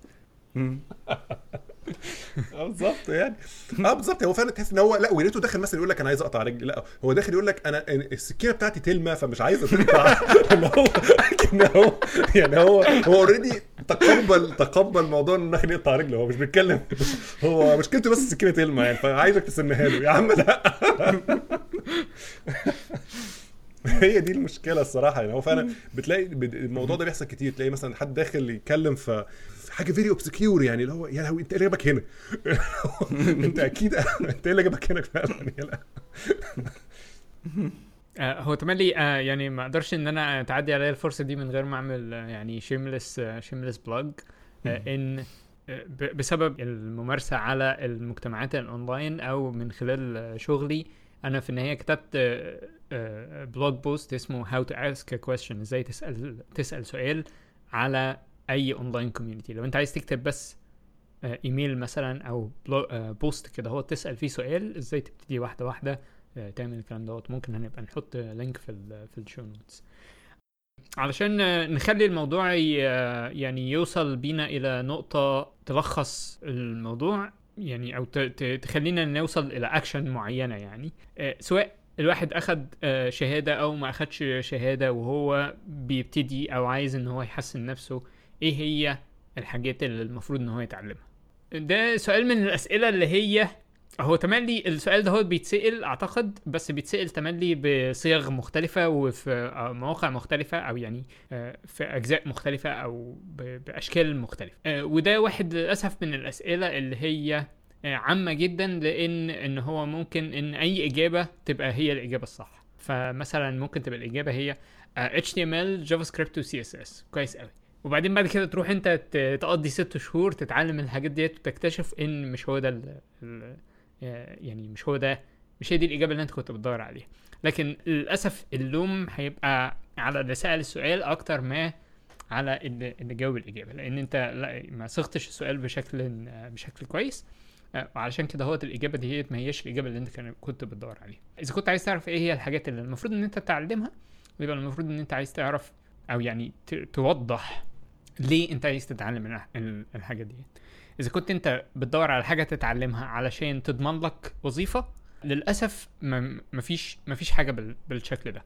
لأن لو كان في حاجة بالشكل ده كانت الناس اتعلمتها وكانت بقت معروفة جدا وكانت الناس كلها عملت الحاجة دي هيت. يعني أنا كانت لو في حاجة تضمن إن الواحد تملي يبقى يشتغل ويشتغل شغلانة كويسة. كان كل الناس هتتعلم الحاجة دي هي وكان كل الناس هتشتغل الشغلانة دي هي فمفيش أي حاجة الواحد ممكن إن هو يتعلمها علشان تضمن له وظيفة. فيما عدا كده في حاجات الواحد ممكن يتعلمها عشان تحسن من فرص إن هو يلاقي وظيفة. ده بيختلف من مكان لمكان بيختلف من وقت لوقت. آه، لكن الحاجة يمكن اللي ما بتختلفش هي الشخص نفسه اللي بيتعلم. لأن أنا ممكن ان أنا إيه اللي ممكن إن هو يحسن من فرص ان أنا آه إيه الحاجة اللي أنا بالنسبة لي مثلا أنا اللي تخليني اتحسن في الوقت اللي أنا فيه وفي المكان اللي أنا فيه اللي تحسن من فرص إن أنا الاقي وظيفة هو إن أنا أروح أتعلم طب مثلا. لأن تملي الدكاترة آه يعني مطلوبين. لكن في نفس الوقت دي حاجة مش هتنفع بالنسبة لي لأن أنا مش بفهم في الطب وما ما أقدرش إن أنا أتعلم ده. فالحاجة اللي تملي ما بتتغيرش هي الشخص نفسه. فانت عايز تتعلم حاجة اللي هي تبقى بالنسبة لك تقدر ان انت يعني تدوس فيها. ده تعرفه إزاي؟ تعرفه بان انت تجرب ان انت تقرأ. فأسئلة من ناحية اللي هي أنا لسه لسه ببتدي أو أنا معرفش أي حاجة في المجال وعايز أتعلم أتعلم إيه؟ يعني لازم تبتدي من مكان ما لازم تدور انت بنفسك شوية وعلشان تعرف إيه هي الاوبشنز على الأقل اللي موجودة قدامي. أنا أنا مهتم إيه؟ مهتم بإيه؟ يعني أنا مش عايز أبقى متحامل على الناس اللي بتسأل بس بس أنا ما بحبش الأسئلة اللي هي اللي الواحد ما حطش أي وقت في إن هو يفكر في إن هو يصيغ السؤال ومتوقع إن الناس هتضيع من وقتها أو تحط من وقتها في إنها تجيب له الإجابة الصح. ودي بتبقى مهارة يعني دي مهارة مهمة جدا. مهارة إنك إزاي زي ما كنت إزاي تصيغ السؤال؟ إزاي حتى توصل لمرحلة إنك تعرف إيه السؤال؟ يعني أحيانا إنك أنت توصل للسؤال الصح معنى كده أنت you had يعني some time إنك أنت ت research الموضوع ده علشان توصل لحاجة فعلا هي دي اللي أنت مش فاهمها. لكن السؤال اللي هو الأسئلة الوجودية دي أحيانا تلاقي في ناس بتحط أسئلة وجودية كده اللي هو يعني السؤال مستحيل تجاوب عليه غير لو أنت مثلا كده قاعد في ملكوت وبتحاول تفهم إيه اللي بيحصل. لكن في أسئلة بتبقى واضح إن هو يعني دور بيقرا آه، خبط في حاجة ما فهمهاش. أوكي؟ فممكن آه نتكلم. آه، قابله مشكلة بيحاول يعمل حاجة مشكلة ما عرفش ما عرفش يصلحها فمحتاج حد يجاوب لكن في أسئلة كده فعلا تحس إن هو سؤال وجودي يعني. هو يعني يعني احتار الفلاسفة في إجابته يعني. ف... يعني ف... كان في سؤال طبعا في أسئلة في مش وجودية يعني في أسئلة في أسئلة ليها ليها. إجابة. آه. في اليوتيوب. يعني في سؤال منهم كان آه، بيقول مثلا هو إيه يا جماعة اللي بدرسه في الجامعة يخليك تقدر تبني تطبيقات كبيرة أو عليها ترافيك عالي أو حاجات من دي؟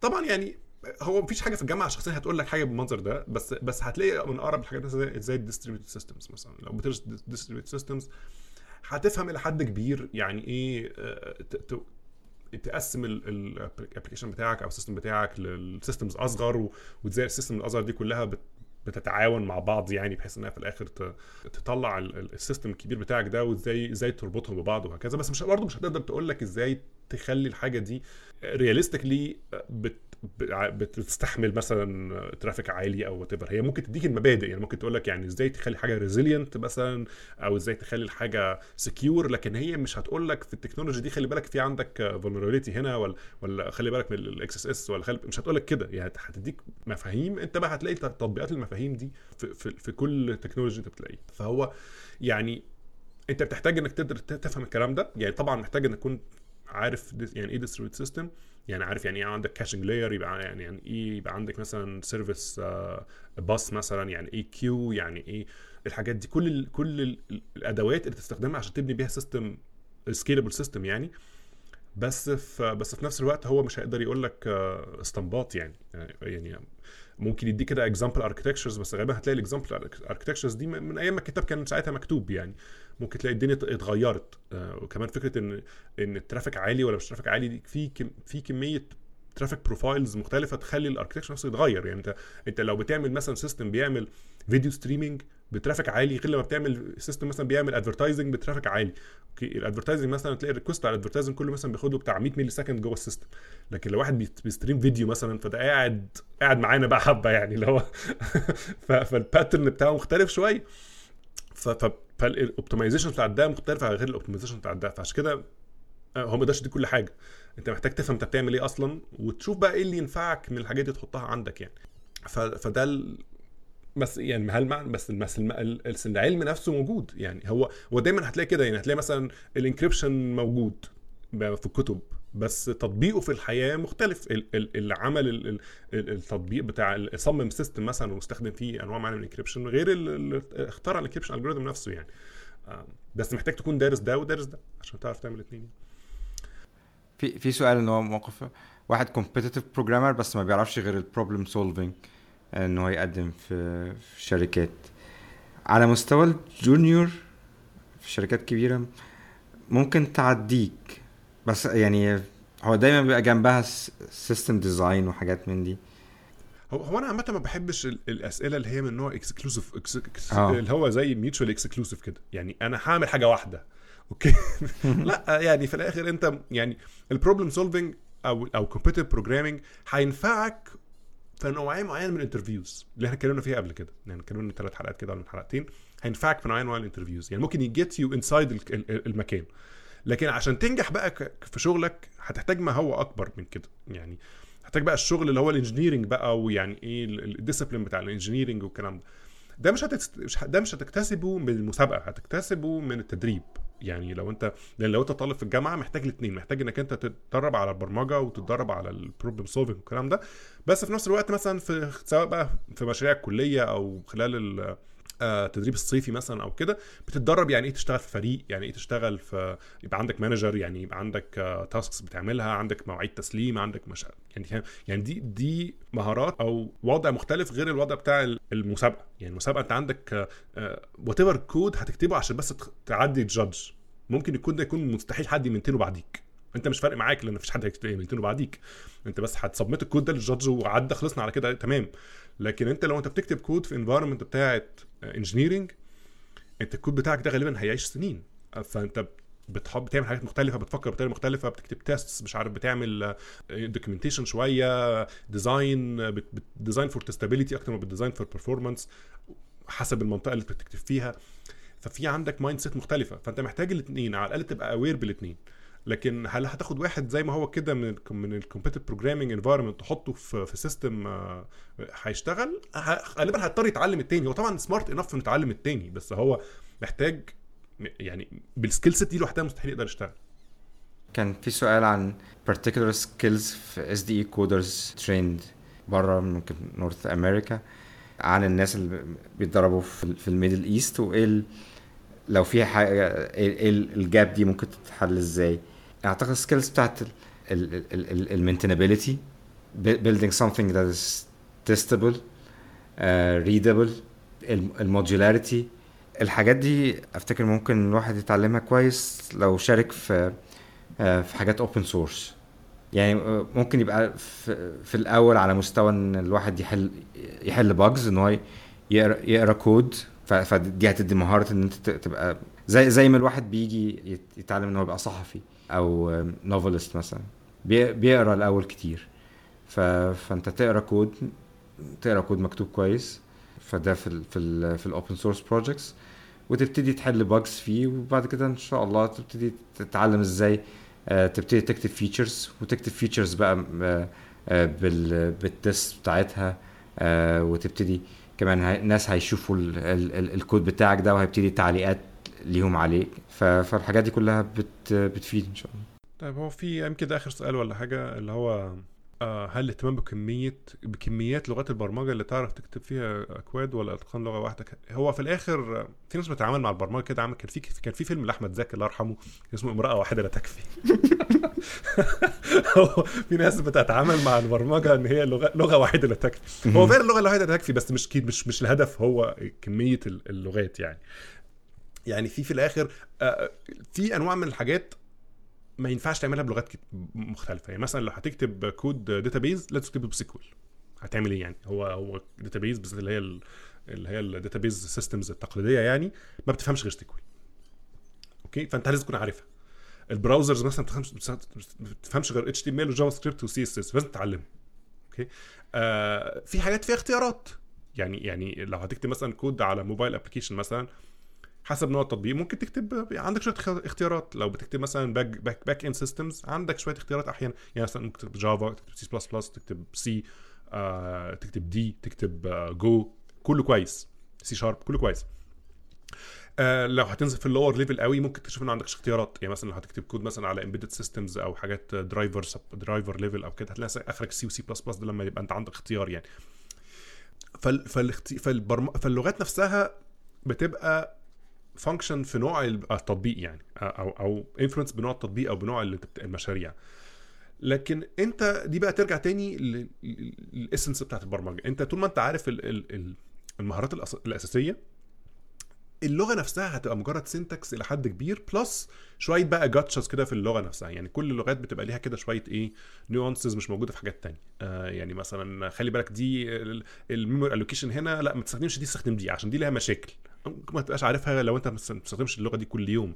ودي بقى بتيجي فكرة انك بتشتغل في فريق. يعني انت ممكن تكون انت شخصيا لسه جديد على جديد على ال technology أو جديد على اللغة دي بس معاك ناس تانية تسندك لغاية ما إيه ت get up and running بشكل كويس. يعني أغلب مثلا على سبيل المثال مثلا يعني أغلب الناس مثلا اللي كانت بتستخدم C أو C plus أو C بالذات يعني حاجات مثلا زي memcpy مثلا. من الحاجات اللي الناس كانت بتستخدمها طول الوقت يعني طول عمرها. وبعد كده عند نقطه معينة اكتشفوا إنها ليها مشاكل أمنية فبقوا بيستخدموا variants تانية ليها مش ما فيهاش مشاكل أمنية. ومش بس memcpy في string copy و... و... وحاجات كتير بنفس المبدأ يعني. آه فانت لو انت مثلا سي اشتغلت شوية سي بلس بلس فعرفت الحاجات دي وبعد كده سبتها أو C مثلا ورجعت لها كمان 10 سنين بتحاول تستخدم نفس الكلام هتلاقي واحد شتمك. لكن اللي تستخدمه ده الحاجات دي بطلنا نستخدمها من زمان.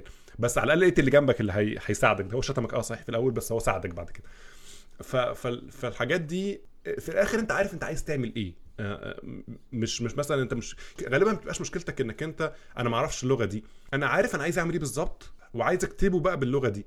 ممكن تلاقي نفسك بتجوجل كل سطرين بتفهم اللي بيحصل بس في الآخر كتبت البرنامج بتاعك ممكن ما يكونش أحسن برنامج يعني مكتوب بطريقة perfect للنوع ده من البرمجة بالذات بقى اللغات اللي opinionated شوية مثلا زي Python و Ruby والحاجات دي تلاقيهم كده ليهم idiomatic كده ولا بيسموها إيه؟ way of writing code يعني. بس مع الوقت you get the hang of it يعني اللي هو لو أنت بتستخدمها كتير هتفهم بتكتب إزاي يعني. ف يعني بعد بعد بعد انواع معينة. يعني ما تبقاش كل هدفك انك تتعلم لغات برمجة جديدة يعني غير لما غير لما تحتاج. اتعلم أساسيات وتعلم شوية لغات مهمة وكده خلاص. تمام بس هي النقطة إن في آه، غير غير لغات البرمجة في أنساق أو programming paradigms يعني أنت بتتكلم في في عندك static programming languages و dynamic programming languages. statically typed زي السي بلس بلس سي شارب الجافا اللي هي ال dynamic زي ال Ruby أو ال Python في عندك object oriented programming languages في عندك functional تمام؟ ال object oriented بتعتمد إن أنت عندك في كود و state والكود بي manipulate ال state ال functional لا هي بتحاول تتجنب حتة ال state ال object oriented تبقى حلوة في ال modeling لل systems بس ال functional حلوة في في ال high performance computing انت ممكن تعيش لو تعرف JavaScript بس يعني ال JavaScript بقت هي اللغة اللي تقريبا بقت بقت universal بس كل ما عرفت programming paradigms أكتر كل ما. حتى لو انت بتشتغل بس object oriented بس عرفت شوية عن ال functional هتلاقي بتكتب object oriented أحسن يعني هو السؤال ده هو يخليني إن بما إن إحنا في قرب النهاية يعني يبقى نكشف للناس الاثنين ثلاثة اللي لسه مستمرين معانا كل دهوت. اكشف اللي هو بقى يعني إيه زي ما تقول كده سر سر الحياة والكون كله مش عارف إزاي. بسرعة جدا يعني. okay. آه بس أنا هقول لك مثلا على حاجة لأن أنا أنا عشان أنا بشتغل في ال في ال support فأنا شغلي بيتطلب مني إن أنا أ support كل ال SDK وال SDKs وال APIs الشركة بتاعتنا بت بتعملها. فده آه يتضمن التالي سي شارب في بي دوت نت في بي اي بايثون جافا سكريبت سواء في front end أو Node Flex و ActionScript Silverlight Java طبعا. C++ و Xamarin اسمه إيه دهوت على iOS Objective-C على iOS و Java على Android دي اللغات وال SDKs أو ال APIs اللي أنا المفروض إن أنا لو أي حد بعت إيميل أو سأل أي سؤال المفروض إن أنا أقدر إن أنا أجاوبه على أي حاجة في أي SDK في اي API باللغ باللغات دي هيت okay فده معناه إن أنا بفهم المفروض في الايه في كل اللغات دي هيت. actually اللغات اللي أنا بعرفها هي أو أعرف إن أنا أكتب بيها أي حاجة هي سي شارب وجافا سكريبت بس. لكن في نفس الوقت أنا عندي نوع من أنواع الفهم لكل الحاجات دي هيت. لأنه من من من شغلي. ف لما يكون في قدامك أي technology جديدة يعني ده السر بقى اللي هو إزاي إن أنت تتعلم okay technology جديدة سواء ال technology ديت لغة أو أو platform جديدة أو كده أهوت. أعتقد إن هي ثلاث ثلاث حاجات محتاج إن أنت تتعلم لأن إحنا لما لما بيتسأل سؤال هو أنا أتعلم بس لغة واحدة ولا أتعلم لغات تانية كتيرة؟ ده معناه إن إن اللي بيسأل متخيل إن هو عشان يتعلم حاجة تانية ده محتاج إن هو يروح يتعلم خمس سنين الحاجة دي هيت وبعدين بعد كده يقول إن هو إن هو اتعلم. لكن هو في الحقيقة أنت محتاج أسبوعين مثلا لأن أنت محتاج إن أنت تعرف ثلاث حاجات. آه نمرة واحد آه ليه الحاجة دي هيت موجودة؟ يعني هما لما اخترعوا اللغة دي هيت اخترعوها ليه؟ لأن اللغة دي هيت ما اخترعتش ما اخترعوهاش في إيه؟ في في فراغ كده هوت في فاج في فاكيوم هم اخترعوها ردا على حاجة معينة عشان يحلوا مشكلة معينة. إن هم كانوا بيستخدموا لغة معينة مثلا وبعدين لقوا إن فيها المشكلة الفلانية فعلشان يحلوها ما قدروش إن هم يحلوها بنفس اللغة فاضطروا إن هم يعملوا لغة جديدة عشان يحلوا بيها الموضوع دوت. مثلا ناخد مثال Rust آه لغة جديدة. هم كانوا بيستخدموا سي بلس بلس لكن مشكلتهم كانت في ال memory safety وال memory model بتاع السي بلس بلس ما كانش كفاية إن هو يحل المشكلة دي هيت فاخترعوا لغة جديدة علشان يحلوا بيها النقطة دي هيت لكن عايزين فيها يكون فيها كل مميزات سي بلس بلس لو أنا لقيت إجابة السؤال ده وممكن إن أنا ألاقي إجابة السؤال ده هو بإن أنا أقعد أقرأ 3 4 أيام وأتفرج على فيديوهات وأقرأ documentation والكلام ده أو ممكن إن حد يقوله لي بسهولة كده. بس ده أول سؤال. ليه هم اخترعوا الحاجة دي لو أنا عرفت ده آه يبقى أنا كده عرفت إزاي أو إمتى استخدم اللغة دي. فلما أجي مثلا اكتب إيه front end web application ما يستخدمش ال Rust فيه يعني بال... لأن مش هو دي المشكلة اللي هو بيحاول ان هو يحلها آه السؤال التاني هو إيه هي المزايا والعيوب بتاعة اللغة دي؟ مفيش لغة في الدنيا perfect لأن لو كان في آه كان اللغة كل اللغات التانية هتموت وكان الناس كلها تستخدم اللغة دي هي. لما بيجي حد إن هو ي design أي لغة أو أي تكنولوجيا أو أي system بأي شكل ما بيختار بي أنا ال focus بتاعي هيبقى كذا هي دي الحاجات اللي أنا مهمة بالنسبة لي وهي دي الحاجات اللي مش مهمة بالنسبة لي فأنا مش هركز على الحاجات دي. okay؟ فأنا المهم بالنسبة لي هي ال productivity فأنا هخلي اللغة بتاعتي سهلة جدا. لكن في نفس الوقت هتبقى مش مهمة بالنسبة لي ال performance بالظبط. فالحاجات دي هي مش تملي بيبقى يعني مش كل لغة سهلة هي في نفس الوقت ال performance بتاعها بطيء. لكن هو قال إن القيم بتاعتي أو التركيز بتاعي على الحاجات دي هي. فأنت محتاج إن أنت تعرف إيه هو كان التركيز بتاع الناس اللي بيعملوا الايه الشغلانة دي هي أو ال ال ال هي بتبقى trade off فعلا يعني هو بي trade حاجة قصاد حاجة أو على الاقل بي invest وقته في حاجة أكتر من حاجة تانية ففي حاجات تانية ما بتبقاش يعني بنفس ال polish بتاع الحاجات اللي هو كان حط عليها نفس التأثير بتاعه أو ال investments بتاعته يعني. أو هو مش شايف إن المستخدم بتاعه بيحتاج الحاجات التانية دي قد ما بيستخدم حاجات تانية. فهو لازم غصب عنه يحط audience معينه بالظبط. فمهم جدا إن أنت تبقى تبقى عارف الاختيارات دي. علشان برضو يساعدك في إن لما أنا أبقى هستخدم اللغة دي هيت أبقى عارف أنا ليه بستخدمها. okay؟ وتالت حاجة هي إن إن إن أنت تعرف تجمع ال resources ال resources دي هيت كتب blog post documentation websites package managers websites مهتمة بالموضوع دوت. أشخاص leaders uh, في ال community ده forums و you know أي online community الناس فيه بتتكلم في في, ال في اللغة دي هيت أو في ال technology دي هيت. علشان بعد كده خلاص أنت دلوقتي فهمت اللغة دي مهمة في إيه؟ أو اخترعوها ليه؟ وإيه نقط القوة بتاعها؟ وإيه نقط الضعف بتاعها؟ يبقى أنت عرفت إن في يوم من الأيام ممكن إن أنت تحتاجها. فيوم ما تحتاجها إيه هي الريسورسز اللي تروحها علشان لما يبقى عندك سؤال أو عايز تتعلم التفاصيل التفاصيل بقى بتاعت اللغة دي هي تقدر إن أنت تتعلمها بجد. بالشكل ده أنت في السنة هتتعلم لك تلات أربع لغات أو تلات أربع technologies جديدة. إن أنت بتقضي في كل مع كل واحدة منهم أسبوعين. أه تجاوب فيها على ال... على الأسئلة دي هي وبس خلاص. مش محتاج إن أنت تقعد بقى طب طب خلينا بقى نكتب Facebook بال Rust مثلا. okay. مش مش كده أنت مش مش بتتعلم اللغة دي كده أنت هتشتغل بيها. فده ده موضوع تاني. أنا مش بقول قضي خمس سنين في إن أنت تتعلم لغة جديدة وفي نفس الوقت بقول إن أنت ما مش المفروض إن أنت تتعلم لغة واحدة بس. لأن اللغات دي هي زي لغات البشر كل لغة بتعكس culture معين.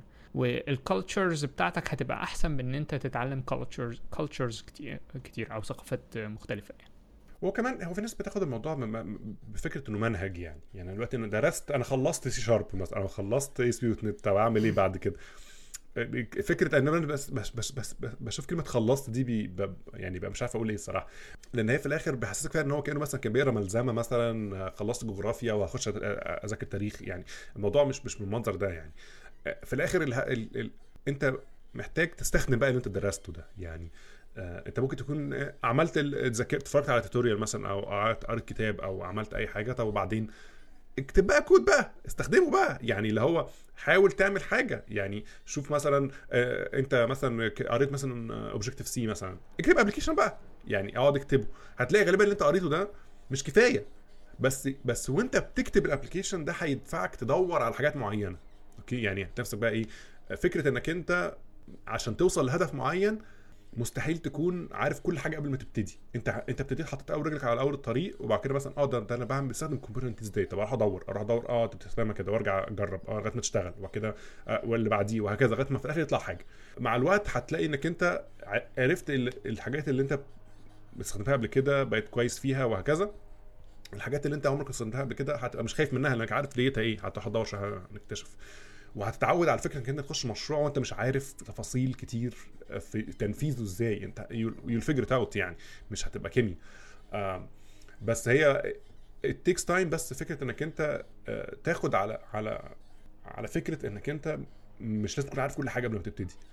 آه، لأن في ناس كتير بتبقى متعودة على إن أنا عشان أخش أمتحن مثلا لازم أكون مذاكر الكتاب من الجلد للجلد. أوكي؟ ولا هسقط لأن مفيش حد هيساعدني. ومش make sense لأن أنت في امتحان. لكن لا لكن لو أنت قاعد بتشتغل فأنت عندك جوجل وعندك Stack Overflow وعندك واحد زميلك قاعد جنبك آه يعني يعني عندك مجال إنك أنت تشتغل وتفهم ولو حاجة مش فاهمها حد يفهمك أو تدور عليها اونلاين وهكذا. فال environment مختلفة. ما تاخدش نفس معطيات ال environment بتاعت واحد بيدرس عشان يمتحن عشان ياخد شهادة. على معطيات واحد بيذاكر حاجة عشان يشتغل عشان يطلع منتج. ال- ال- الطريقين ما لهمش علاقة ببعض. على فكرة كلمة كلمة خلصت دي أو يعني كل ال... كل الإجابة ديت أو كل الملاحظة ديت دليل على أو يعني سيمتم عرض على مشكلة عامة. كبيرة. مشكلة كبيرة إحنا بن... بنعاني منها. وهي إن إن إحنا يعني سو so ingrained أو منعمقين قوي في طريقة التفكير بتاعة المدارس. وده غلط لسببين. نمرة واحد ان إن المدارس خلصت خلاص. خلاص إحنا كبرنا. يعني عدينا هذه المرحلة من حياتنا الحمد لله. ده نمرة واحد. ونمره اتنين بقى وده الأهم إن طريقة التفكير في المدارس أصلا كانت غلط. مش بس كانت غلط في للحياة يعني والعيشة بعد كده كانت غلط للمدارس نفسها. أوكي؟ ف... فإيه؟ ف أول حاجة تعملها بعد ما تخلص بعد ما تاخد شهادتك بعد ما تخلص دراستك أوكي؟ إن أنت ترمي هذه العقلية إيه وت- وت- وتفكر لنفسك. فلما تلاقي نفسك بت بتتصرف بال muscles القديمة بطريقه التفكير القديمة بتاعه ال- المدارس يعني إيه؟ استعيذ بالله كده أهوت. وشيل الفكرة ديت من دماغك. آه فجالك سؤال في سؤال في ال GIS لو عايز تاخده يا عمرو قبل ما نقفل آه ماشي أوكي أنا مش. How to start in the GIS field. آه how to start in GIS field أوكي بسرعة جدا علشان ما نطولش ما نطولش في ده. ال GIS رغم إن هو كأنه مجال صغير أو على على جنب لأن هو مش تركيز عليه لكن في نفس الوقت هو نفسه مجال مجال كبير. فالحاجة الأولانية هي إزاي آه، أنت محتاج تعرف إيه. آه، أو أو أنت عايز تدخل مجال ال GIS ليه؟ هل أنت بتبني website وعايز تحط فيه خريطة؟ إذا أنت مش مش محتاج تعرف أي حاجة خالص عن ال GIS أنت محتاج إن أنت تتعلم library ال library دي هي سواء كانت آه، بتاعت جوجل سواء كانت بتاعت OpenLayers أو أو Leaflet أو whatever لو هو ده اللي أنت محتاجه أنت مش محتاج إن أنت تتعلم أي حاجة خالص عن ال GIS أنت محتاج إن أنت تتعلم ال library دي وبس كده. جزء كبير من ال من ال GIS هو information system شغل information system عادي. كل ما في الموضوع هو إن بدل ما بنعمل text و number و date وكده هو بنعمل coordinates ده كل ما في في الموضوع. لكن في النهاية اللي أنت بتستخدمه كل يوم هو database و service وهن install software وهنشيل ال software والحاجات دي. جزء من الشغل في ال في ال GIS هو إن أنت بتستخدم platform معينة. يعني أنت لو أنت بتستخدم مثلا ال platform بتاعت Esri ال ArcGIS فأنت أنت بس بتتعلم ال platform مش مش محتاج إن أنت تدخل قوي في التفاصيل. في بقى جزء تاني ال GIS اللي هو ك كعلم يعني. آه وده إن أنت بقى فعلا بقى بتتعلم imagery مثلا صور الاقمار الصناعية دي هي بي بيجمعوها إزاي؟ آه إزاي تقدر إن أنت تطلع معلومات من ال imagery دي هيت؟ آه إيه هي أنواع ال imagery المختلفة؟ إزاي إن أنت تحول imagery لإن هو يبقى vector؟ إزاي تقدر إن أنت آم، يعني أنت هترسم بقى خريطة تجمع معلومات؟ إزاي إزاي تتعلم ال... ال... يعني إن, إن أنت هتعمل خريطة؟ مش هتعمل خريطة بإن أنت تقول تحط نقط. يعني ده هنا آه يعني مثلا لكن لكن هترسم هترسم خريطة. ده علم خرايط أكتر ما هو علم computer science يعني. آه آه، لكن نوع من أنواع ال- التلاقي ما بين ما بين الحاجتين دول. وفي جزء تاني منه اللي هو مثلا إن أنا هعمل algorithm لأن أنا أعمل routing مثلا. أوكي؟ ده برضو ده علم بنفسه. أنا الحاجات دي هيت آه لأن أنا ما درستش GIS أنا بس مارسته. الحاجات ديت أنا ما بفهمش فيها خالص يعني. يعني بفهم فيها حاجة قليلة قوي يعني. آه، بما آه، بما يكفي إن أنا آه، أهز راسي لما حد يجي يكلمني يعني فيها. أوكي؟ أبقى آه يا يا أنا سمعت الكلمات دي قبل كده. أوكي؟ آه وأعرف أكتبها بال spelling صحيح يعني. بس ده كل معرفتي بيها.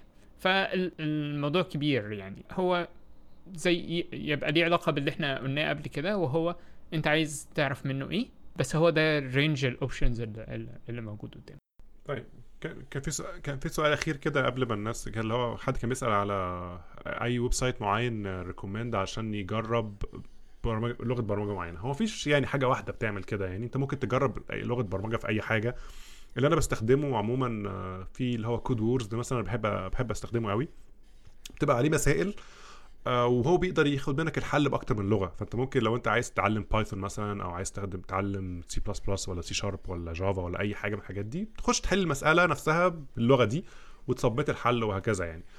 فده أنا بستخدمه اسمه code dot com ده اللي عملت عليه حتى قبل كده live coding sessions وكنت بحل بيه مسائل بي شارب فده لو أنت عايز تستخدمه لكن هو أي حاجة ممكن تستخدمها it's up to you أنا ما أعرفش صراحة بس كان في مواقع معينة بتساعد في ده ولا طيب هنحاول بقى نقفل على كده.